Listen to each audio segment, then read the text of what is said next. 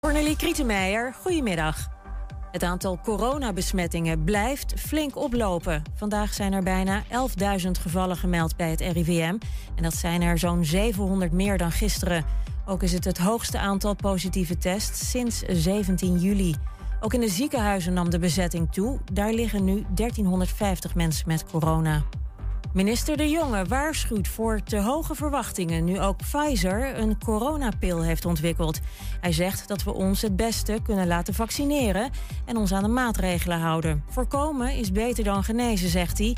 En de pil is geen silver bullet.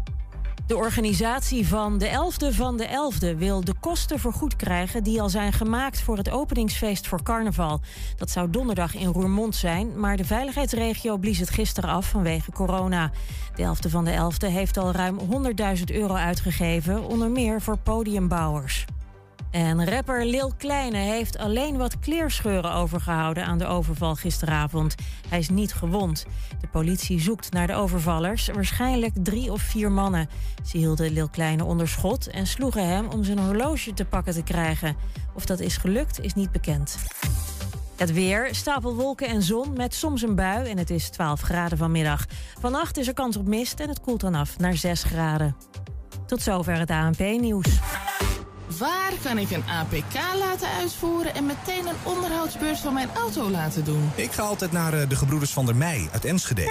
Vakmanschap, passie en echte service zijn kernwaarden van Gebroeders van der Mei.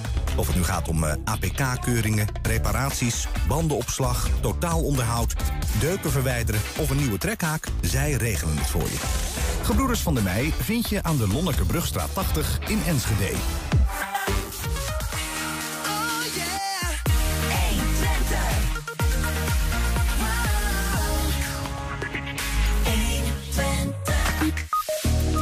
Het sociaal werkbedrijf van gemeente Enschede, heeft een eh, landelijke prijs gewonnen. Uh, Wout Brama keert terug bij de wedstrijdselectie van FC Twente na een blessure. Is hij klaar voor de derby tegen Heracles vanavond? Heracles. Her Heracles. Heracles. Expositie Queer in ROC van Twente moet suïcide onder LHBTI-jongeren tegengaan. En voorstelling Artes, Artemisia, leuk woord van Golgje, gaat morgen in première in Enschede. En wij gingen alvast kijken. Het is vrijdag 5 november en dit is 120 vandaag. 120. 1. 120 vandaag. De slimme en speelse ademhalingstrainer van UT en Saxion is genomineerd voor de Klokhuis Wetenschapsprijs. De trainer is een eh, soort vestje met bijbehorend computerspel dat reageert op de manier van ademhalen, bedoeld voor kinderen die daar moeite mee hebben. Met het kledingstuk wordt het thuis oefenen na bezoek aan een fysiotherapeut een stuk minder saai. Helen is alweer een nieuwe aan het maken die nog uh, mooier wordt. Nog Want mooier. deze is ook alweer een beetje door het vele werk eraan. Gaat hij alweer een Eh, beetje. Dat is, wel, ja, Ja. dat is wel een goede plek, want daar kan je makkelijk zelf Ja. bij. Kun je daarbij? Ja. Ja, ja. Ja, dat het ook is wel. goed dat ze ook anders voelen. Ja. Eh, Je kijkt naar een eh, vestje en dat vestje is een ademhalingstrainer. Doen we hier de touwtjes vast. Er zitten twee sensoren in. Er zit een sensor hier op de borst en een sensor hier op de buik. En die kunnen samen meten hoe een kind ademhaalt. Eh, en eh, het vestje is bedoeld zodat kinderen thuis hun ademhaling beter kunnen gaan oefenen op een leuke manier. Dus wat het vestje ook doet, is feedback geven. Er komt een, een trilling hier op de buik als de ademhaling niet helemaal goed gaat. En het vestje geeft ook visuele feedback door lichtjes te laten zien hier op het eh, buikband. En dan weet het kind dat het de training goed gedaan heeft. Robin heeft eigenlijk geen ademhalingsproblemen, hè? Nee. Maar jij vindt het wel leuk om proefpersoon te zijn. Ja. het testen. Ja, En hoe is dat? Ehm, vind ik wel leuk. De lege blokjes zijn bedoeld zodat het kind het vest wat meer eigen kan maken. hè. Als je zelf mag kiezen wat je op je borst hebt hangen, is dat toch leuker dan als daar zomaar iemand anders iets gekozen heeft. Nu zijn jullie genomineerd. Ja, dat is de Klokhuis Wetenschapsprijs. Het is vooral heel erg leuk, omdat natuurlijk het Klokhuis een programma is voor de kinderen voor wie wij deze ontwikkeling doen. En eh, het is ook belangrijk omdat het eh, laat zien waar we hiermee bezig zijn. En wellicht zien mensen die goede ideeën hebben voor hoe we hiermee verder kunnen. eh, die denken, ik wil een bijdrage leveren. En dan eh, krijgen we vast reacties. Ja, je zag eh, UT-professor Geke Ludden en ook Saxion-onderzoeker en ontwerper van het vest eh, Helen van Rees. In de studio praten nog even verder. Welkom beiden. Dankjewel. Allereerst gefeliciteerd met de nominatie. Dank. Ja, Ja, lijkt, me, lijkt me superleuk, fantastisch ja. om te krijgen. Eén ding eh, wat ik wel heb aangekondigd, maar ik nog niet in de video heb gezien. Daar ben ik wel benieuwd naar. Er zit ook een eh, computerspel bij, Geke. Ja, dat klopt. Het, eh, het computerspel, of de app eigenlijk, die bij het vest hoort, hebben we gemaakt om eigenlijk de motivatie nog wat eh, sterker te maken. Dus de ademhalingstrainer zelf, het vest zelf, motiveert Mhm. het kind al door feedback te geven. Ja? En dat zag je in de video met de lampjes. Hè? Dat, dat je na de oefening ook ziet hoe goed je het hebt gedaan. Wat eh, het kind kan doen met de app, is de lampjes eigenlijk als brandstof ophalen om te gebruiken in een spel. En dat spel is dan een, eh, een spelletje waarin je een raket door een ruimte kan laten We vliegen. zien hem hier op het scherm op dit moment. Ja, Een, ziet eruit als, als een mooi spel. Wat, wat, wat is de bedoeling in het spel? nou de bedoeling is om de, de meteoren te ontwijken en, en de goede brandstofcelletjes te pakken. En, ja, en eh, wat je er eigenlijk mee bereikt is dat je elke dag een stukje verder komt. Dus dat je elke dag een stukje verder die reis doormaakt en dagelijks dus doelen kan behalen. In plaats van dat je een heel abstract doel krijgt vanuit een fysiotherapeut. Van nou, als je elke dag een oefening doet, dan word je over misschien een half jaar heb je minder last van klachten. Heb je nu elke dag een leuk spel en een, een reis die je verder brengt. Naar Ik een- kan me heel goed voorstellen dat dat werkt. Eigenlijk niet eens alleen voor kinderen, maar überhaupt ook voor volwassenen. Op deze manier eh, het wat concreter maken. Ja, nou, we kennen dit natuurlijk ook wel uit allerlei andere applicaties hè, die ook volwassenen gebruiken. En voor sommige mensen werkt het heel goed, voor anderen wat minder. Mhm. Dus je moet goed nadenken wie het gaat gebruiken. Nou, voor kinderen is het vrij helder dat ze dit leuk vinden. Dat blijkt ook uit eh, de evaluaties die we met ze hebben gedaan. Als je dit voor een andere doelgroep zou willen inzetten, wat niet onvoorstelbaar is, hè, want ouderen of volwassenen kunnen ook ademhalingsproblemen hebben, dan moet je het weer in een andere vorm gieten. Ja, maar kan je nog steeds gebruik maken van iets wat blijft motiveren en wat eh, haalbare doelen stelt? Ja, eigenlijk allerlei apps die je gebruikt met fitness en trainen. Ja. Wat al heel normaal is eigenlijk. Hè? Dat je ook elke keer ziet in getallen, in grafiekjes, eh, statistieken... dat je beter wordt en dat je steeds verder kan gaan. Dat is, werkt ook al heel motiverend. Ja, precies. Ja. Ehm, ho- hoe is dit vest nou tot stand gekomen? Want uh, Geke, je, je hebt hem, eh, of sorry, Helen, je hebt hem eh, eh, je ontworpen, maar niet in je eentje. Nee, nee, zeker niet. Eh, dus we hebben eh, niet alleen ons tweeën in ons team zitten, maar we werken ook samen met eh, artsen vanuit het MST en het ZGT. Daarnaast is Angelica Mader vanuit de Human Media Interaction groep van de UT nog betrokken.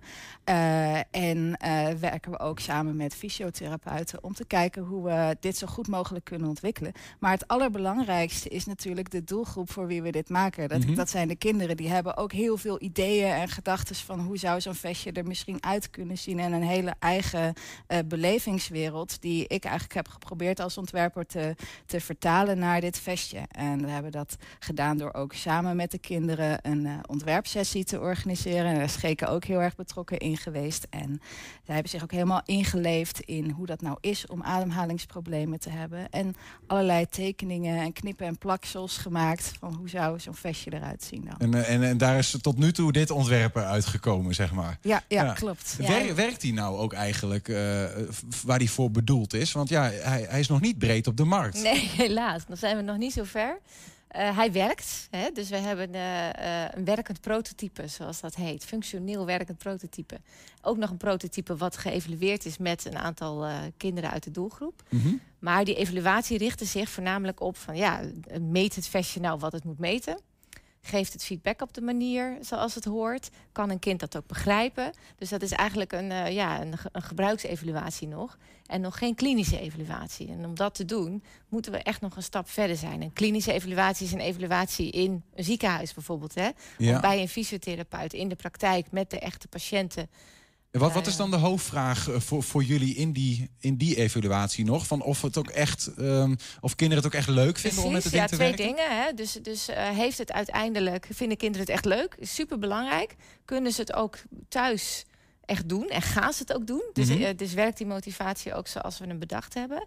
En een andere hele belangrijke is natuurlijk, heeft dit nou effect op de therapie? Is de therapie met het vestje beter dan zonder. Ja. Want daar willen we natuurlijk naartoe. Ja, want dat is denk ik wel handig om even de, de huidige context te, te schetsen. Op dit moment gaan eh, de kinderen naar een fysiotherapeut waarbij ze allerlei oefeningen, eh, inspanningsoefeningen te doen krijgen. En worden ze getraind in hoe ze zelf een ademhalingsoefening thuis kunnen doen. En dat is eigenlijk door een hand op de borst en een hand op de buik te doen. En dan rustig naar de hand op de buik toe te ademen. En dat eigenlijk dagelijks moeten herhalen. En dat is nou ja, eigenlijk een hele simpele oefening, maar die is ook niet heel erg spannend. En wij willen eigenlijk kijken hoe we ze meer kunnen begeleiden in die oefening en die leuker te maken met het vestje. Uh, waarbij we dus ook daadwerkelijk die ademhaling willen gaan beïnvloeden. Nou, dat is als je met patiënten werkt natuurlijk wel iets wat je heel zorgvuldig moet doen. Dus waar wij ook de, de nodige stappen voor doorheen moeten eerst. Om dat ja, ook daadwerkelijk thuis te kunnen laten doen door die kinderen. Dat het vestje niet uh, op een verkeerde manier iets gaat nou, ja, aanraken. precies, ja, precies. En, en er zijn natuurlijk ook hele heldere regels voor. Hè, voordat je zoiets uh, gaat inzetten, echt bij patiënten. En dat geldt voor elke technologie in de zorg die je ontwikkelt. Moet je aan hele strenge regels voldoen.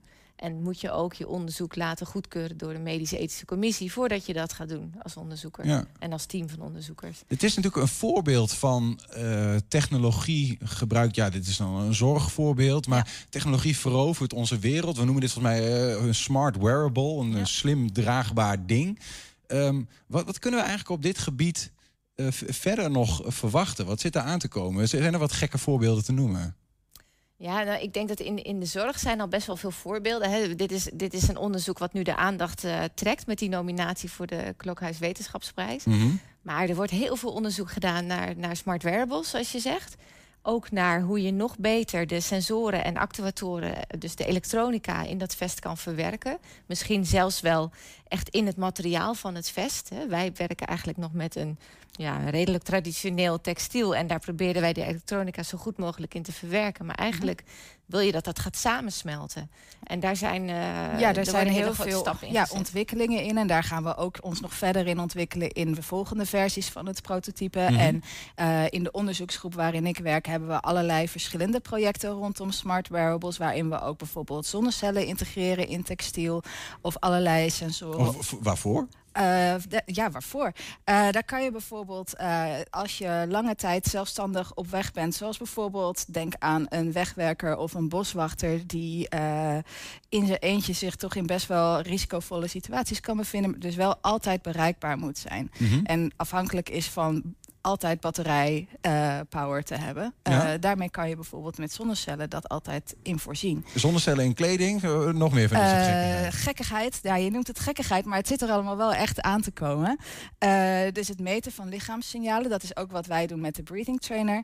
Wij richten ons op ademhaling, maar er zijn ook ontwikkelingen rondom het meten van het hart, et cetera. Dus je kan eigenlijk zo veel beter in allerlei dagelijkse omstandigheden meten, kijken, feedback geven over hoe ja, je, je, je staat eigenlijk is op dat moment. In Ja. plaats van dat dat bijvoorbeeld alleen bij een arts in een ziekenhuis gebeurt. Je kunt je dan ook voorstellen, wat, waar wij ook naartoe willen met, eh, met onze ademhalingstrainer, is dat het niet een trainer alleen is, maar dat we het ook kunnen gebruiken om een diagnose te stellen.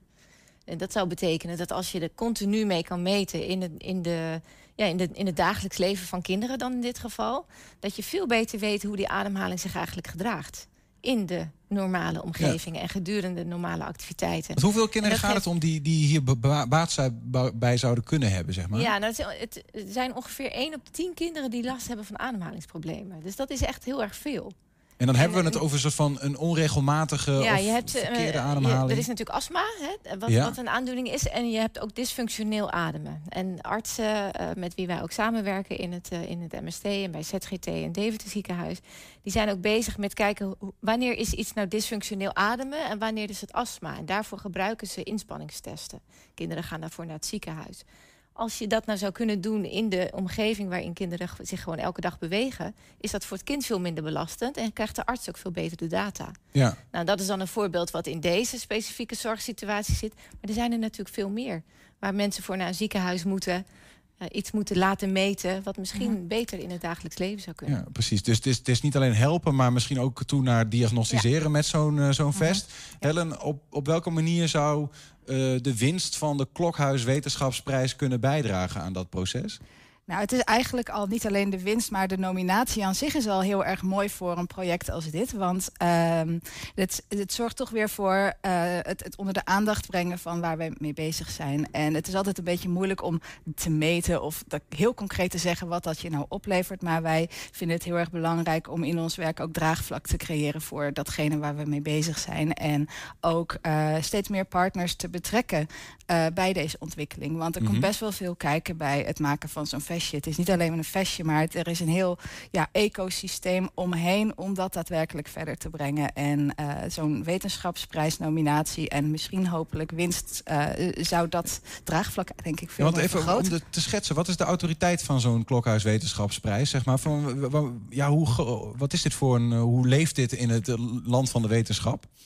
Eh, het, het leeft best wel, want er komen inzendingen van over heel Nederland, vanuit alle, allerlei hogescholen en universiteiten die onderzoek doen, wat eh, op een of andere manier interessant is voor, eh, voor kinderen, voor de doelgroep.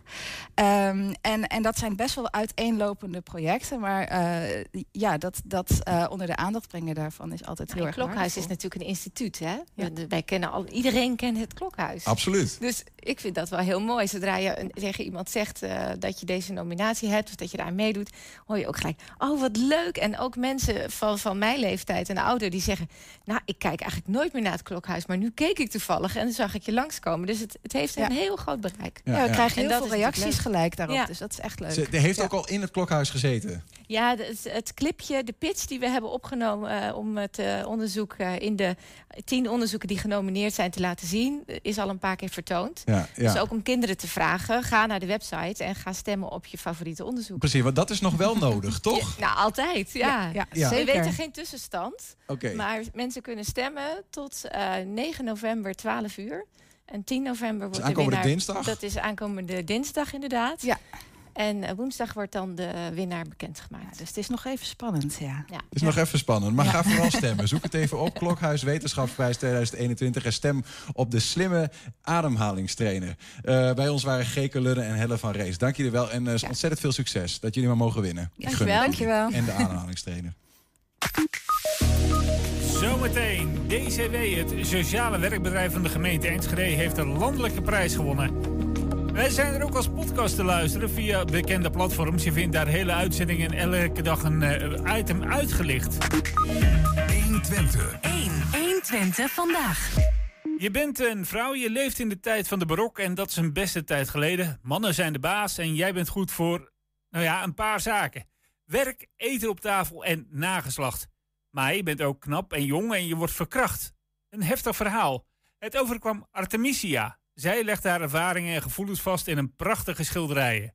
Rijksmuseum Twente richt een tentoonstelling in van dat werk. De maker van Theatermakerij maakt er een voorstelling en die, is zaterdag in, die gaat zaterdag in première. Wij nemen alvast een kijkje.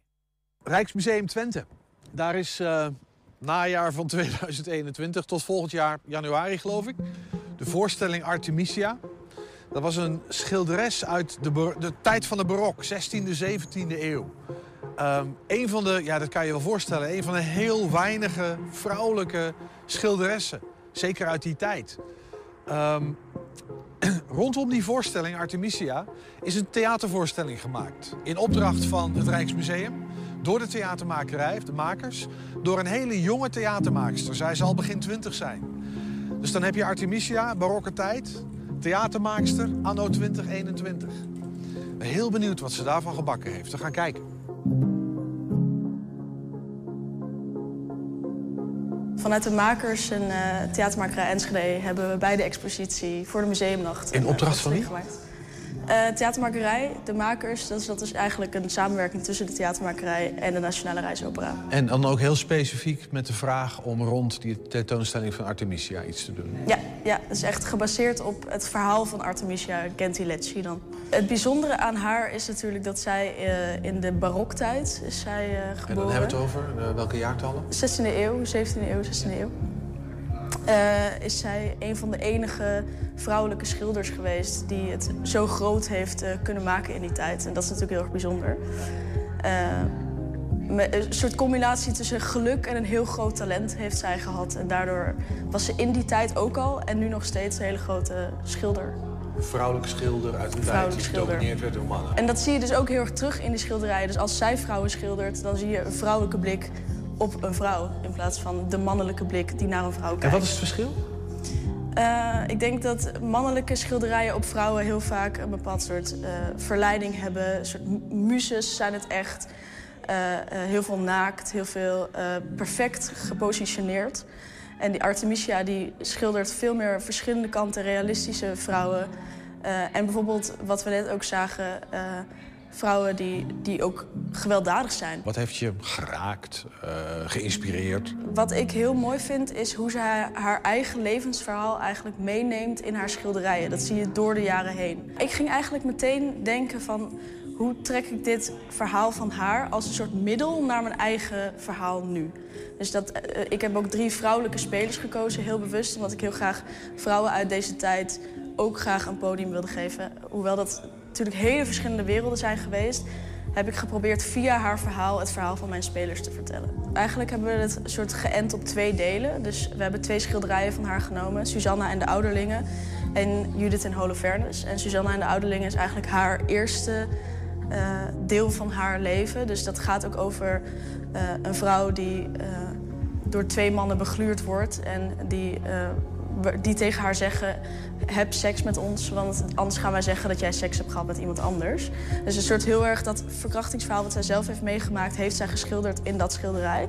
Dat is het eerste gedeelte. En het tweede gedeelte eh, is Judith en Holofernes. En dat is wat je daar dus net zag... eh, een, een vrouw die een man aan het onthoofden is. Een schilderij. Dus dat is eigenlijk taking the power back, zou je kunnen zeggen, symbolisch gezien. Ehm, en wij hebben via verhalen van mijn eigen spelers en verhalen van mijzelf... eh, ook stukjes biografie van haar hebben wij eh, die twee delen, zeg maar, die shift geprobeerd te maken. Van dat gedeelte naar haar leven naar dat gedeelte van haar leven. Wij wilden eigenlijk meer een soort van reflectie geven op hoe eh, mijn speelsters en ik dingen in deze tijd ervaren. En we waren niet per se geïnteresseerd in een heel activistisch stuk van op de kade gaan staan.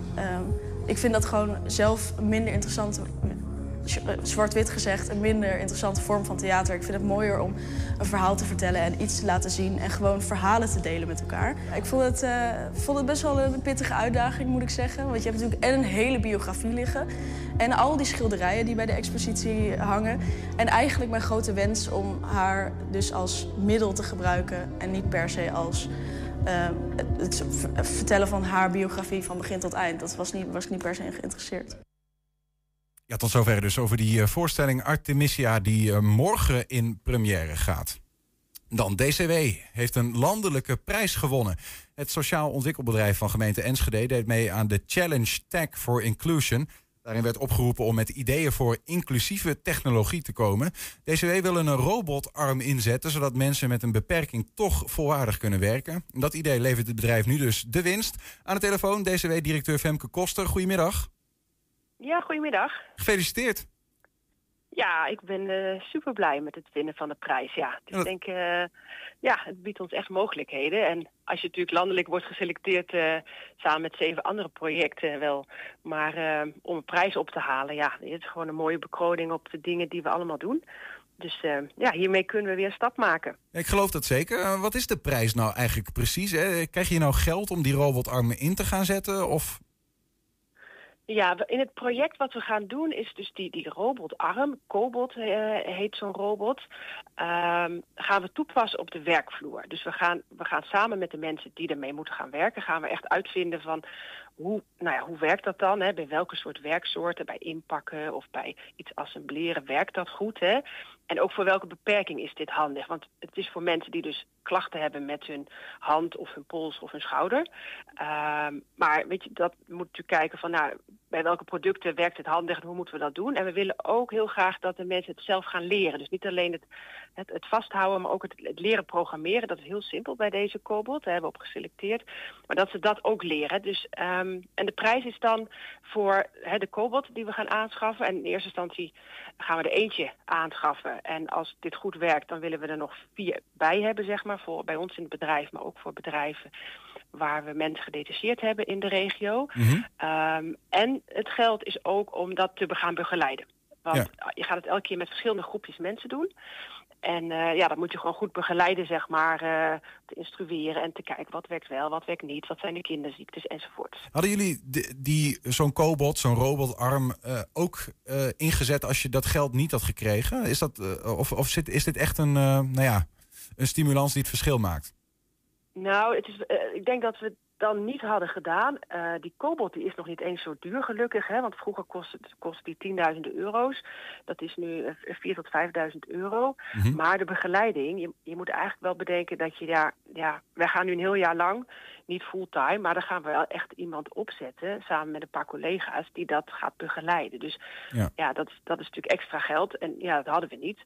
Dus daarom ben ik ook zo blij met die prijs, met deze wedstrijd. Omdat je daarmee iets extra's kan doen. Ik kan me heel goed voorstellen dat, de, dat de mensen bij jullie werken die, eh, nou ja, die of, of, of gewoon letterlijk een beperking in hun armen, eh, polsen of wat dan ook hebben, die, nou ja, voor wie die robotarm een hulp kan zijn. Ehm, wa- waarom is het eh, belangrijk dat dit soort hulpmiddelen zeg maar, bij jullie kunnen worden toegepast? Nou ja, bij ons, hè, kijk, ehm, als jij gewoon zelf een baan kan vinden, dan, dan heb je ons niet nodig. Maar er zijn gewoon veel mensen, ook in Enschede, die niet zelfstandig die baan kunnen vinden. ehm, die wel potentie hebben en graag willen werken. En dat is natuurlijk heel jammer om die mensen thuis te laten zitten. Dus wij hebben, die mensen komen bij ons en dan gaan we kijken naar wat kan je allemaal wel. Eh, maar soms merk je natuurlijk ook dat de mensen een beperking hebben die dan graag wil overbruggen, zodat ze niet bij ons blijven werken, wat natuurlijk ook kan. Eh, maar het liefst laten we mensen doorstromen naar het reguliere bedrijfsleven. Eh, maar dan moet je wel proberen om die handicap te overbruggen. Dus daarom is het mooi dat we allerlei technologieën, en eigenlijk zie je steeds meer van dat soort ja, nieuwe technieken, waarmee je dus dingen die eerst een beperking bleven, die kan je nu overbruggen en kan je toch ja, mensen gewoon meer productief maken en kunnen ze beter meedoen, zeg maar. Ja. En gewoon ook aan het werk zijn, net als, net als ieder ander, zeg Eh, Maar dan zou je de robot moeten meenemen naar de, naar de plek waar je naartoe gaat na de DCW, zeg maar. Nou, dat, dat, is, dat is zeg maar wel een perspectief. Kijk, ehm, in dit project natuurlijk niet, want daar willen we ervaring opdoen. En met juist een heel gro- grote groep mensen daarmee eh, kijken wat kan. Om ook te kijken van werkt het goed. Maar als je kijkt naar de kosten van zo'n kobold, die een paar duizend euro zijn. Eh, dan kan je je natuurlijk voorstellen dat als mensen daardoor gewoon mee kunnen doen in een normale baan, dat dat echt wel opweegt tegen ja. je, je leven lang zeg maar eh, niet aan het werk zijn. Ja. Dus dat een werkgever voor een werkgever dat ook interessant is. Je noemde net al een beetje tussen de regels door een aantal eh, toepassingen. Maar kun je er eens een aantal uitlichten van wat zijn nou voorbeelden waarin zo'n robot kan, kan gaan werken bij de DCW? Ehm, nou, bijvoorbeeld, hè, we hebben vaak eh, dat we doosjes eh, vouwen en daar moet wat in. We werken bijvoorbeeld voor de CES, hè, dat eh, is een grote speelgoedfabrikant. En daar zijn vaak meerdere handelingen. Dus dan pak je een doosje vast, die moet je vasthouden en je doet er iets in. Als jij dus klachten hebt in je, in, ja, in je ledematen, in je armen, dan kan je dat vaak wel één of twee of drie keer doen, maar niet een uur achter elkaar bijvoorbeeld. Dus dan die robotarm houdt dan bijvoorbeeld het doosje vast, draait dat om en jij stopt er met je goede hand, stop jij daar een paar potjes in en die draait weer terug en dan gaat het naar de volgende, zeg maar. Dus Ja. dat, dat is bijvoorbeeld iets. Ehm, maar het kan ook zijn, eh, je maakt een, een drinkbeker en daar zitten acht onderdelen in en die hou je met die robotarm hou je die vast en met je andere hand draai je de deksel erop of doe je er een papiertje in. Iets hè, wat je normaal, dat lukt niet maar met één arm, zeg maar, hè, met, één hand. Dus je hebt eigenlijk verschillende, eh, heel veel ja, verschillende producten waar je dit bij eh, zou kunnen inzetten. En het mooie van, van deze koolpot is dat je ja, gewoon zelf kan programmeren. Hè? Want dat was natuurlijk vroeger altijd het probleem. Dan was het heel ingewikkeld om dat allemaal te programmeren. Maar je kan eigenlijk, je pakt hem vast, je maakt de beweging die hij moet maken. En vervolgens zit het in eh, die koolpot geprogrammeerd. Eh, dus onze eigen medewerkers kunnen dat ook, als ze dat hebben geleerd, kunnen dat ook gaan doen straks. Ja, nee, het, is, een- het is een pilotproject. Hè. Ehm, ehm, je noemde al even, ja, wordt, wordt ge- gekeken van ja, in hoeverre kan zo'n ding worden ingezet en waar, waarin helpt die dan? Eh, hoe wordt nou gemeten of die pilot geslaagd is? Ehm, nou ja, als wij hem ook zien dat toch een, een aardig deel van... Kijk, niet iedereen heeft natuurlijk beperkingen in, in, zijn, in zijn armen, hè, zijn ledematen. Dus het is voor een bepaalde groep mensen die bij ons binnenkomt. En als wij zien dat die mensen die dat hebben hiermee gewoon aan het werk kunnen komen en blijven... Ja, dan is het voor ons geslaagd. En dan gaan wij hem ook echt gewoon regulier inzetten in onze lijn. Ja. Dus het moet denk ik, ja, moet gewoon eh, bruikbaar zijn in de praktijk. En dat, dat is mooi met die prijs. Dat, daarom is het ook een pilot. Dat je dat natuurlijk, ja, daar heb je wel wat langer de tijd voor nodig om dat uit te testen. Precies, ja. Het laat ook iets zien van de, de ontwikkeling hè, van de DCW. Eh, ik ben ook benieuwd naar hoe jullie verder eigenlijk de toekomst zien met dit soort nou ja, robots die mogen gaan helpen of andere manieren. Um, zometeen daar kort nog even over doorpraten. Eerst even een video van wat jullie nu eigenlijk doen. En die is vers van de pers. Even kijken. Bij DCW zijn we er voor iedereen die hulp kan gebruiken om aan het werk te komen of te blijven. En wij geloven ook dat er voor iedereen mogelijkheden zijn voor passend werk. Niet iedereen vindt natuurlijk hetzelfde leuk of kan hetzelfde. En daarom bieden wij verschillende werksoorten aan. Bijvoorbeeld het werken in het textiel, maar ook het inpakken van producten. En zo werken we al langer voor een Duitse snoepjesfabriek. Daarnaast hebben we technisch werk, het fijnmechanische werk voor mensen die dat goed kunnen. En als het nodig is, bieden we dat werk op prikkelarme werkplekken. We zijn er trots op dat we voor bedrijven werken in de brede regio van Enschede. Duitse en Nederlandse bedrijven. En wij zijn voor hun een professionele partner, zoals elk ander bedrijf dat is. Op onze tweede locatie in Enschede hebben we een heel groot buitenterrein met onder andere een kwekerij en onze groeituin. Deze werkplekken zijn geschikt voor mensen die meer beweging in het werk nodig hebben. We kweken hier en stekken hier planten, maar in onze groeituin ook vergeten groenten. Die vervolgens zijn weg vinden naar Enschedeze restaurants. Het is supermooi om te zien hoe je zo met elkaar kunt samenwerken. De DCW is een veelzijdig en innovatief bedrijf met een sociaal hart. Ja, en als we het dan hebben over die innovatie, dan is die eh, robotarm dus nu weer een, een nieuwe stap. Het is overigens niet de eerste keer dat de nieuwste technieken bij jullie worden ingezet. Nee, dat klopt. Uh, we zijn uh, denk ik anderhalf jaar geleden begonnen met de aanschaffen van een 3D-printer. Um, en wat het mooie daaraan is natuurlijk dat je, nou ja, het is een nieuw stuk technologie, maar we hebben echt onze eigen medewerkers uit de doelgroep gevraagd van, nou weet je, leer met ons mee hoe we dat kunnen gebruiken. En wat we graag wilden en wat nu ook lukt, is dat we hulpmiddelen die we nodig hebben in het productieproces, dat we die zelf printen. En eigenlijk dat onze medewerkers hun eigen hulpmiddelen printen. Ja, ja, ja. Um, en waar we eerst altijd dan naar een speciaal bedrijf moesten om een malletje te maken of een hulpstuk. Dus dat is een nieuwe. En wat we daarna zijn gaan onderzoeken is de toepassing van exoskeletten. Dat is eigenlijk een soort ja, skelet wat je aandoet, wat, wat je extra kracht geeft in je spieren. Dat als je dingen moet tillen of moet pakken, dat je dan ja, zeg maar een extra motortje hebt om dat te doen. Want sommige mensen hebben natuurlijk ook niet veel kracht en kunnen op die manier meedoen. Dus dan, dan ja. waren mensen met een beperking en ze worden supermensen dan? Soort van. Ja, precies. Ja, ik heb het zelf ook aangehad en je voelt je inderdaad een soort supermens. Want je, ja, je, je springt op en neer en je pakt dingen. En dat, ja, dat geeft gewoon een veel lichter gevoel. En ook ja, als je een hele dag moet, je bent natuurlijk vaak een aantal uren aan het werk. En zeker op die, op die wat langere termijn, zeg maar, op zo'n dag, ja, werkt dat gewoon uh, prettig. Het is niet voor iedereen geschikt, hè. Dus dat is natuurlijk met al die technologieën. Je moet echt in de praktijk kijken van uh, wie is deze persoon die ik voor me heb? Wat doet hij voor werk? En dan moet je het heel op elkaar gaan fine-tunen. Nou ja, en, da en, daar heb je tijd en, uh, en ja, ruimte voor nodig. Ja, ja. Maar ja, en daarmee kun je wel veel meer mensen de mogelijkheid geven om ja, zich te ontwikkelen. Want dat is eigenlijk de opgave die we sinds een aantal jaren nu hebben en steeds meer mee bezig zijn. Om niet alleen een werkgever te zijn voor mensen met een beperking, maar ook om mensen te ontwikkelen. Uh, en soms blijven ze dan gewoon bij ons werken.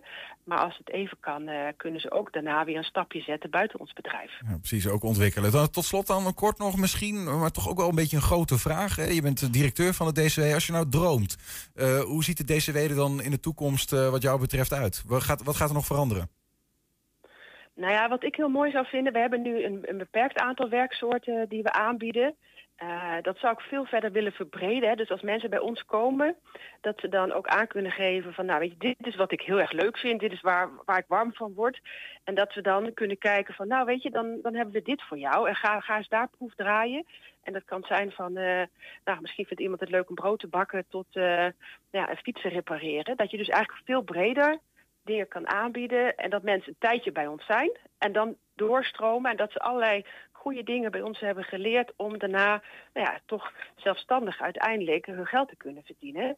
En eh, in een ander bedrijf gewoon hun Ja. plek te vinden. En dat, dat zou ik mooi vinden als we dat, ja, dat vliegwiel, die- die springplank kunnen zijn voor nog een veel grotere groep in Enschede. Duidelijk. Dank voor eh, een beetje inzicht in wat jullie allemaal doen en eh, nou, wat nog de plannen zijn. Femke Koster van de DCW. Graag gedaan. Succes ook met de pilot trouwens. Ja. Zometeen expositie Queer in ROC van Twente moet suïcide onder hella- LHBTI-jongeren tegengaan. 120. 1. 120 vandaag. Wout Brama keert vanavond bij de derby tegen Heracles terug in de wedstrijdselectie van FC Twente. De routinier raakte iets meer dan twee weken geleden geblesseerd en moest drie competitiewedstrijden en een bekerduel aan zich voorbij laten gaan. En dat terwijl FC Twente aan een goede race bezig was, met Brama in de basis. Wout Brama, op het moment dat jij eh, beschikbaar bent voor een Mhm. interview, dan ga ik ervan uit, die zit morgen bij de selectie. Krijg net de bevestiging van de trainer, dus je bent er weer bij. Ja, ik ben er weer bij. Ja. Zeker. Ik vroeg aan hem eh, hoe lang jij ongeveer eh, aan zou kunnen. Mhm. Kun jij ons daar inzicht in geven? Wat vond hij? Ben ik wel benieuwd. Oh, dan ga je eerst Ja. vragen wat, hij? heeft gezegd.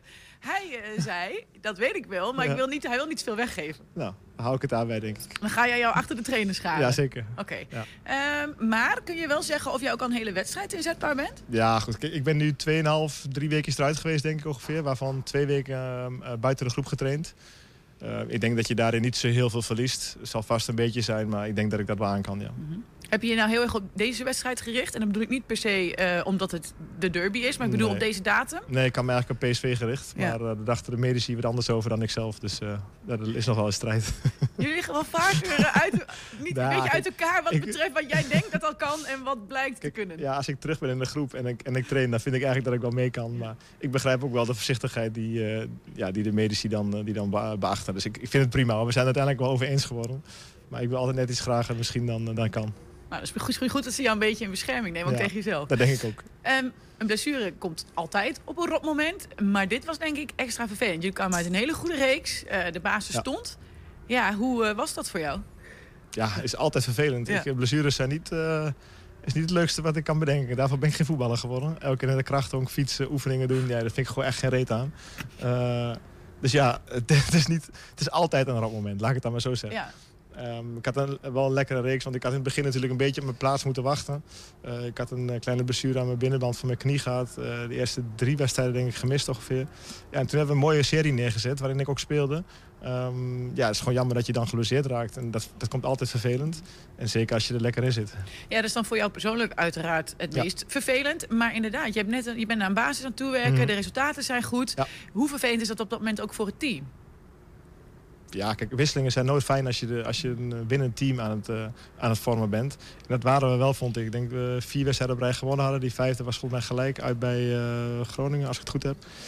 Ehm, dus ja, dat is altijd vervelend. Je wilt zo, zo snel mogelijk naar een vaste kern in je elftal. En ja, door blessures of door andere zaken, dan is dat soms eh, niet mogelijk. En dat was nu bij mij ook zo. Ehm, daarna, ja, je kwam uit die goede reeks. De resultaten de laatste weken vallen dan ook weer wat tegen. Ja. Eh, probeer jij dat ook te verklaren, ondanks dat je er zelf niet bij bent? En zo ja, ja heb je Mhm. dan verklaringen? Nou ja, ik vind dat wel elke wedstrijd een beetje zijn eigen verhaal heeft. Van Willem II vond ik wat ongelukkig.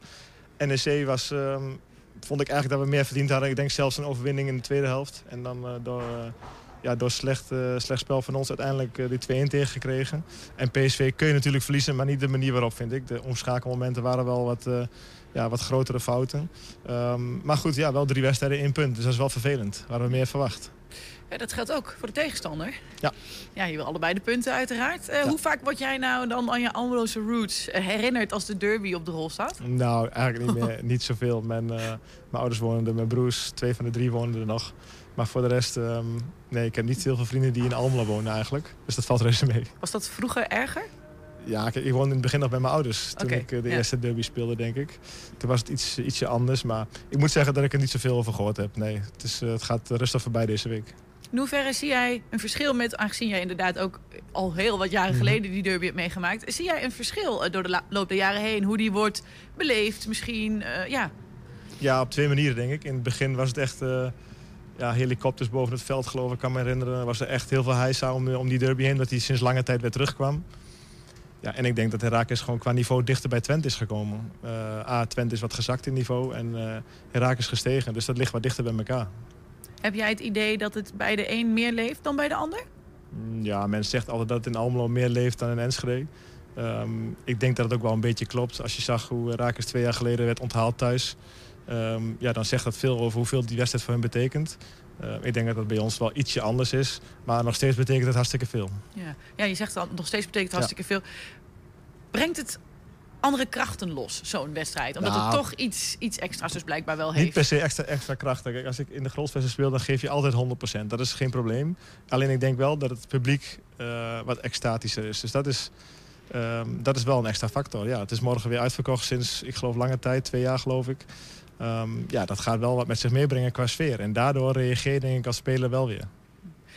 Ik had het net met de trainer over, hadden we het vorige week even over. Dat, eh, ja, jullie zetten graag hoog druk. Mhm. Eh, jullie hebben liever dat de tegenstander het spel maakt, zodat jullie daarop kunnen ageren. En, en Mhm. wat, vinden het wat vervelender om zelf het spel te moeten maken.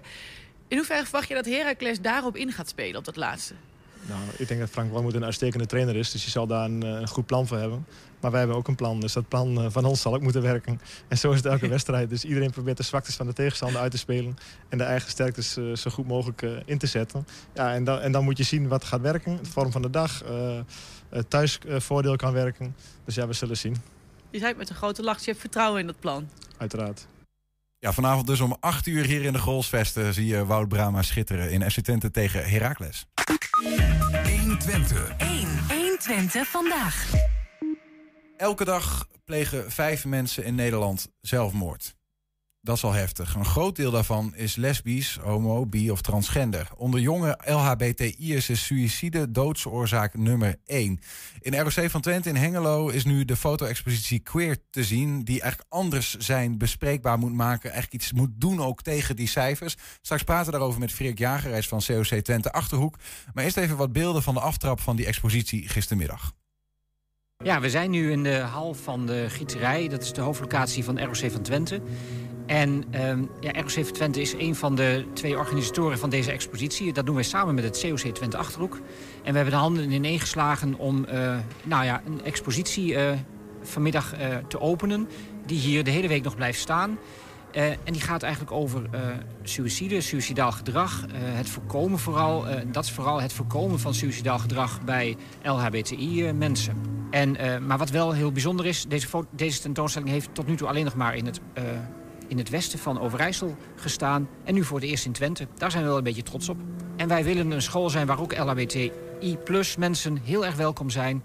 Ehm, ja, en we willen hen ook ondersteunen als het soms even wat lastiger gaat. Ja, het doel is vooral ehm, dat we alle mensen, maar vooral mensen die soms wat, wat twijfelen, worstelen, wat eh, problemen hebben, eh, de boodschap mee willen geven van je bent niet alleen en praat erover. Ga, het gesprek aan. Eh, het belang is denk ik vooral het eh, eh, zichtbaar maken en bespreekbaar maken van eh, de mentale problemen waar eh, LHBTI'ers tegenaan lopen. Eh, en eh, hopelijk zo mensen laten zien dat ze niet alleen zijn in hun strijd. Want heel veel mensen worstelen met hun identiteit, voelen zich nergens onderdeel van. We krijgen te kampen met depressiviteit, angststoornissen, eh, noem het maar op. En ehm, ja, het doel hiervan is denk ik om eh, zichtbaarheid te vergroten. Eh, Een tip die ik zou willen geven is zoek mensen eh, op die eh, jou begrijpen en die jou accepteren zoals je bent. En eh, laat niemand je vertellen dat je je anders moet voordoen dan je bent. Dat zijn mijn tips. Eh, ik ben gevraagd door de voorzitter van eh, COC Deventer. Daar woon ik zelf ook. Ehm, en die weet wat ik mee heb gemaakt in het verleden. En die heeft op, om die reden ook meegevraagd van... hey, is het misschien iets voor jou? Zou je daar mee willen werken? En zou jij je verhaal willen doen? En dat heb ik uiteindelijk ook gedaan. En als we praten over mensen die depressief zijn... dan denken we altijd van, oh, die zijn sip, die zijn somber... zijn wat teruggetrokken. Dat kan. Maar dat kunnen ook hele tegenovergestelde mensen zijn. Hele actieve, hele uitbundige mensen. En dan weet je niet wat er aan de binnenkant van afspeelt. En ik wil juist bereiken dat mensen realiseren dat het stereotype wat we hebben van een depressief of iemand met zelfmoordgedachten, eh, dat het niet zo eenkennig is als we, als we denken dat het is. Het is juist een heel divers thema. Net zo divers als we met z'n allen kunnen zijn, zo divers zijn ook onze mentale problemen. Ja, we praten nog even verder in de studio met eh Freek Jager. Welkom, Freek. Ja, goedemiddag. Ehm, net noemde ik dat al even, hè, onder jonge LHBTI'ers, eh, zelf, zelfdoding doods, eh, doodsoorzaak nummer 1. het is vijf keer zo hoog als bij niet-LHBTI'ers. Eh, bij transgenders is het zelfs eh, zeven keer eh, zo hoog. En ik hoorde jou nou net zeggen, ehm 21% van alle transgenders kampt met suicidale gedachten. Ja, die heeft zelfs een daadwerkelijke poging gedaan. Dat meen je niet? Ja, dus dat is echt eh, tien keer zo hoog als onder de gemiddelde bevolking. Ja, dat zijn schrikbarende percentages. Hè. En hoe komt dat dan, dat ze met die gedachten zitten? Nou, ik denk dat transgender identiteit dat dat nog steeds ingewikkeld is. Eh, je merkt dat ook dat mensen bijvoorbeeld in, eh, ja, op het werk het moeilijk hebben om, om ervoor uit te komen dat ze in het verkeerde lijf zitten. Dat ze een proces door moeten. Dus dat maakt het leven heel ingewikkeld. En uh, homoseksualiteit, biseksualiteit is volgens mij tegenwoordig redelijk geaccepteerd. En voor trans mensen is dat toch echt nog minder. Heel veel Hmm. mensen vinden het ook ingewikkeld eh, om om te gaan met mensen die eh, niet duidelijk man of vrouw zijn. Ik weet ook niet waarom dat zo ingewikkeld is. Ik vraag me dat altijd af, maar heel veel mensen vinden dat vervelend. Als ze mensen niet in een hokje kunnen plaatsen, Ja, ja. nemen dan afstand. Dus er komt ook heel veel eenzaamheid voor, voor bij mensen met een transgender identiteit. Die cijfers, hè? Mhm. Sinds wanneer worden die eigenlijk bijgehouden? Periodiek eh, worden de onderzoeken gedaan door het ehm, Centraal Cultureel Planbureau. Maar er zijn ook heel veel andere onderzoeken. Eh, er is net regionaal weer een groot onderzoek gedaan door Vizier. En eigenlijk komt uit al die onderzoeken wel, de acceptatie gaat echt de goede kant op. Maar ehm, de worstelingen bij een kleine groep, die blijft nog heel erg aanwezig. Dus Wat gaat de acceptatie en ehm suïcidepogingen, suïcidegedachten, dat soort dingen, gaan die hand in hand? Zien we dat nee, dat zou je eigenlijk hopen. Hè? Dat, dat, dat dat vanzelf ook minder wordt. Dat mensen het minder moeilijk hebben als de acceptatie toeneemt. Maar toch blijven die percentages rondom eh, zelfmoordgedachten en ook daadwerkelijk eh, zelfmoordpogingen, die blijven eigenlijk heel erg hetzelfde. Dat Hmm. verandert eigenlijk nauwelijks.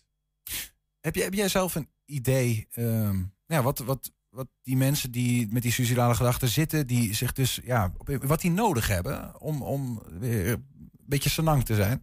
Ja, wij hebben dit project samen gedaan met 1 in 3, eh, zelfmoordpreventie. Zij zijn natuurlijk de expert op dat gebied.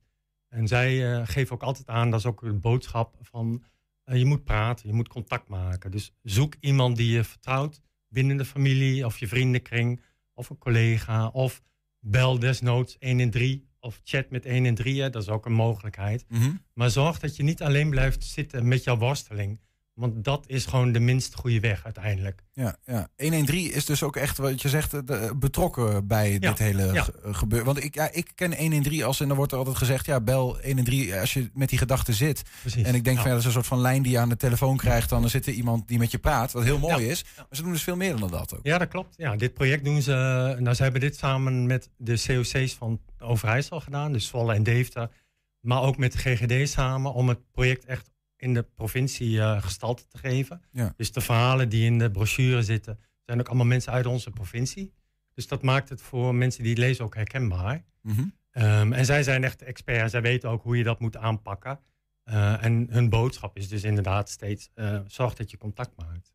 En wij maken gebruik van hun kennis op dat gebied. Want wij zijn natuurlijk geen als het gaat om suïcide. Nee, precies. Praat, praat erover met Praat elkaar. erover, maar hoe krijg je dan, want dat is dan de vraag, hè? hoe krijg je nou, eh, jongeren zitten sowieso soms al, eh, nou ja, wat, wat in een identiteitscrisis. Ja. En als je dan met LHBTI-identiteit, eh, nou ja, dan, dan kan het nog ingewikkelder worden. Hoe krijg je ze dan zo ver om met elkaar te praten of daarover te praten? Nou, dat is ook wel het mooie. Bijvoorbeeld dat nu die expositie bij het ROC staat. Dat is een scholengemeenschap. Daar komen heel veel jonge studenten. Die lopen daar langs. Die zien dat. Op die manier komt het in beeld. Dus ze gaan hopelijk ook met elkaar praten over het thema. Ehm, en die scholen bieden tegenwoordig heel vaak ook wel hulp. Uh, Sommigen hebben een, een, een, een coach.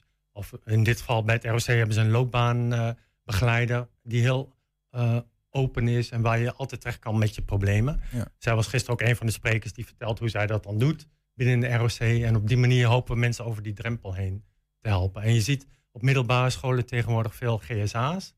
Dat zijn groepen eh, leerlingen die tot de LBTIAQ gemeenschap behoren. GSA, waar staat dat dan voor? Ehm, Gender and Sexuality Alliances. Oké, ja, precies. Dus, die eh, ja, zoeken elkaar mensen- op. Ja, die zoeken elkaar op en dat is belangrijk. En elkaar ondersteunen, herkenbaarheid van mensen die in hetzelfde schuitje zitten. Eh, en dat geeft veel meer kracht. Ja, want ik, ik zag ook even, ik bladerde net, je hebt het boekje hier ook voor je liggen, even door. Hè. Er zit uh, die we net zagen, heeft een uh, Turkse komaf. Maar ik zag ook uh, mensen met bijvoorbeeld een christelijke, religieuze komaf. Allemaal, nou ja, de komaf kan dan nog weer extra ingewikkeld maken. De, de, het gevecht met de genderidentiteit. Ja. zijn heel veel verschillende verhalen worden hier geportretteerd. We hebben geprobeerd om zoveel breed mogelijk beeld te geven, zodat iedereen zich ergens in een van de verhalen kan herkennen. Jouw eigen eh, verhaal was ik ook nog wel benieuwd naar. Want ik bedoel, je bent onderdeel van die doelgroep. Ja. Ehm, heb je zelf ooit uh, suïcidale gedachten gehad? Nee, ik moet zeggen, nee. Ik, het- toen het project kwam, kon iedereen zich eh, aanbieden om mee te doen. En een collega van mij van het COC Zwolle heeft dat ook gedaan. Die staat ook in het boekje. Mhm. Ik heb zelf die gedachte gelukkig nooit gehad. Wel een worsteling die denk ik iedereen wel meemaakt die tot de gemeenschap behoort. Maar nooit dusdanig dat ik, dat ik levensmoe werd. Of, eh, nee, Nee. gelukkig. En de, eh, ik weet niet precies wanneer je uiteindelijk, zeg maar, uh, ouder niet open was, dat je uh, naar andere, nou ja, dat je op mannen viel. Uh, nou, ik was best wel laat eigenlijk. Ik was 25, dus dat is um, ja, eigenlijk wel aan de late kant. Hoe zat, hoe zat het op jouw middelbare school of da, de periode daarna, die jongere periode, zeg maar? Werd er ook op deze manier al aandacht aan besteed? Hoe nee. kon je erover praten nee. zelf? Nee, in die tijd, maar ik stam natuurlijk ook uit, uh, ik ben geboren in de 61. Mm -hmm. In die tijd was er nog helemaal geen aandacht voor dat soort aspecten, überhaupt niet. Nee. Middelbare scholen, nee. Dus dat vind ik echt wel een mooie. Dat zie je ook dat dat nu veel beter georganiseerd is. Um, die mensen die geportretteerd zijn uh, en die nu bij het ROC staan, dat zijn geen uh, ROC-studenten, toch? Ja, nee, er zit geen student zelf bij. Het zijn ja. ook allemaal mensen die wat uh, verder zijn, wat ouder zijn. Ja, precies. Had, wel, had misschien wel gekund. Had gekund, ja, als ze zich hadden aangeboden. Ja, zeker. Had ook gemogen, maar... Ja. Maar het is niet een, een, een directe zeg maar, uh, naar overweging geweest om ze echt alleen daaruit uh, te halen. Want het nee, was een bestaande nee. expositie die je eigenlijk naar het ROC Precies, hebt gehaald. Ja. We hebben meer gezocht, die expositie is er. Waar zouden we het niet goed kunnen plaatsen? Ja. En toen uh, hebben we in overleg met ROC ervoor gekozen om hem daar te plaatsen. En we gaan ook nog andere plekken zoeken. Dus we zijn nu ook aan het kijken of die bijvoorbeeld hier in Saxion Enschede kan komen. misschien nog in de bibliotheek in Hengelo. En we willen eigenlijk heel Overijssel door. Want overal moet je vooral lokaal de, de mensen gaan bereiken. Ja. Dat is de kracht van een foto-expositie, denk ik. Je was er zelf bij, ook gisteren, ja, bij die zeker. aftrap. Uh, ja, heb je reacties gehoord van de mensen die erbij waren en eromheen? Ja, zeker. Ja. Je merkt dat mensen wel onder de indruk zijn. En ik vond het ook mooi, er was een heel breed publiek. Er waren hulpverleners vanuit de GGZ. Uh, er waren mensen vanuit de politie, die natuurlijk soms ook uh, mensen tegenkomen die suïcide hebben gepleegd. Maar natuurlijk mensen die met jongeren werken in de wijken. Mhm. Mm -hmm. Die agenten die, die kunnen natuurlijk ook goed signaleren wanneer het niet goed gaat met een jongen. Kunnen ze daar iets in doen. Dus die hebben ook stapelboekjes meegenomen. Nou, dus in die zin is dat denk ik al heel waardevol uh, een start geweest van de expositie. Ja, precies. Ja, er is nog een week te zien. Ja, blijft nog een week staan en daarna gaat die toeren door uh, Overijssel. Ja. ja, precies. Dus uh, nou ja, mocht je het uh, interessant vinden, ga gerust even kijken. En herken jezelf of uh, laat jezelf herkennen of wat dan ook. Uh, Freek Jager, dankjewel van COC ja, Twente Achterhoek was bij ons. Heb je een tip voor de redactie? Mail dan naar info.120.nl 120. 1, 120 vandaag. Thanks. We zwaaien Freek uit. En um, we verwelkomen onze volgende gast. En dat is, en dan ga ik even, zeg maar, uh, ontzettend clichématige radiowoorden gebruiken. Niemand minder dan Bart Peter Zweem. Bart, uh, jij bent een creatieve man. Dat, dat, dat zijn jouw woorden, niet de mijne. Ja. Heb je, hebben we nog even van dat soort clichématige woorden? Uh, ik heb het niet eentje bij de hand op dit moment. Nee, je bent toch uh, ra radiopresentator? Ja, maar... Niemand minder dan... Uh... Niemand minder dan de enige echte, vooruitstrevende... en altijd op de wenken bediend en slim van pen en hart. Dat nou, vind ik nog best wel creatief, Henk. Met een uh, rap op de tong. Ik weet niet ja, hoe zeg je dat precies, dat soort dingen. Ja, dat, ja het is... Ik zou het in rap kunnen doen, maar ik ben geen rapper. Niels, hey, ben jij een rapper? Yo, yo, yo. Ik, nou, je hebt het erover. We hadden vanmiddag op de redactie heb ik er nog even eentje gedaan. Ik had een collega die twijfelde aan mijn rapkunsten. Ik nou, zeg, ik, ik ben, ik, ik ben rapper. Ik, luister. Nee, dus ik zei, uh, geef me een beat. En ik, en ik rap. De, ik, ja. Uh, uh. Ik sterf elke dag onderweg, waar naartoe. En als ik daar ben, wat is er daar aan te doen? Ik ben raar wat je noemt, niet meer wakker te maken. In mijn hoofd aan het dwalen, ik kan nachten niet slapen. Aanslagen, En zwarte maandagen ben je kleine jongen meer. Wat is jou? Eh, Jij moet het even over die beatboxkunsten van Henk Kettingen. Hé hey, jongens, daar word ik niet voor ingehuurd. jongen, jongen, jongen. Nee, het is, eh, nee ja, ik ben onder de indruk, eh, Niels. Ja, durf je je column nog te doen? Nee. Alles wat gezegd is, al die clichés, die hebben niet betrekking op jou, niet meer op mij. Ik zeg hier, eh ciao. Nou, vooruit dan maar. Bart Peter Zweem met de column van de dag. Beste luisteraar, vanaf morgen is hier weer het mondkapje in de winkel en ik maak me daar druk over. Ik maak mij druk over dat lapje stof en ik weet eigenlijk niet eens goed waarom. Ik was de vorige keer eigenlijk best wel aan dat mondkapje gewend. Het was prima, zo in mijn eigen bubbeltje, lekker anoniem achter mijn boodschappenkarretje en in mijn eigen anderhalve meter. Maar nu denk ik weer: mondkapje? Ah, dit is mijn vrijheid, aantasting, schande. Dus wat ben ik eigenlijk een inconsequente, egoïstische zak? Er liggen mensen in het ziekenhuis, er gaan mensen dood en ik zei ik over een mondkapje in de winkel. Maar dat is wel mijn eerste reactie. Ik heb ook de enorme behoefte om boos te zijn op iemand. Boos. Op wie kan ik boos worden? Niels, kijk me niet te lang aan. Je bent meteen aan de beurt. Jullie journalisten kunnen mij niet eens uitleggen hoe het eigenlijk zit en waarom het zo gaat. Op wie kan ik boos worden? De politiek. Mark Rutte. Ik ga dat hele kabinet schoppen. Die zakken hebben de zorg wegbezuinigd, waardoor er nu zo weinig plek is. En ze bezuinigen nog steeds op de zorg, maar dat vertelt Niels ons niet eens. Stelletje eikels. En waarom hebben die politiek halfzachte, plush plakkende eieren niet eerdere, betere en strengere maatregelen genomen? Want dan zaten we nu niet in deze poepzooi die misschien nog wel erger wordt. Ik ben boos. Maar ja, dan denk ik, die politici die zijn wel democratisch gekozen. Nederland wilde dit. Mensen om mij heen vinden die bezuinigingen een goed idee. En politici, die doen ook hun best. En als ze te streng doen met die maatregelen, dan is het ook niet goed. Maar toch wil ik boos zijn. Op wie kan ik boos worden? Ah, ongevaccineerden. Het is allemaal hun schuld. Flikker toch op met je lichamelijke integriteit. Als je aangereden wordt op straat, dan ga je ook niet in discussie met het ambulancepersoneel als ze een pijp in je strot duwen voor zuurstof. Of wanneer ze je een infuus geven. Dan is het ineens prima als ze je redden. Maar nu vertrouw je die medische professionals niet. Inconsequent gezeik, ik ben boos. Maar ja, dan denk ik, die mensen willen ook het beste voor hunzelf. En de kranten en de media die staan ook vol met allemaal voorbeelden van dingen die misgaan. En dat je geen vertrouwen moet hebben in de overheid. Omdat de verhalen dat het wel goed gaat gewoon te saai zijn. En dan koopt niemand die krant. En ergens is het ook niet zo raar dat je de minister die zegt: hé, hey, je moet een vaccinatiespuitje halen, niet vertrouwt als diezelfde minister ongemerkt verder bezuinigt op de zorg. Waardoor we het ook slechter gaan hebben, ook al heeft Nederland daar wel massaal voor gekozen. Maar ik wil dus boos zijn, want het alternatief is dat ik me machteloos voel en verdrietig word. Want waarom kan het niet gewoon fijn en leuk zijn? Ook al vind ik het stom, moet ik misschien niet naar andere mensen gaan kijken, maar eerst naar wat ik zelf kan doen. En dan kan ik prima dat mondkapje opdoen. Dat doe ik ook wel. Maar ik hoop wel dat hij snel weer af mag. Anderhalve meter afstand ook prima. En ik wil ook wel meer betalen voor betere zorg. Ook voor mensen die minder geld hebben, dan betaal ik ook wel voor. En ik wil ook wel betalen voor een krant met saaie verhalen dat het wel goed gaat. Ik betaal wel en koop dan minder rotzooi die ik eigenlijk niet nodig heb. Laten we het moralistisch irritant, moralistisch irritant gaan hebben over wat we wel kunnen doen. Ook al is het veel sneller en gemakkelijker om gewoon lekker boos op anderen te zijn. Ah! Stukje nuance op de vrijdagmiddag. Bart Peter Zweem, dankjewel. Nou Niels, dat was hem dan voor vandaag. Strikt eromheen, weekend vieren. Gaan we doen.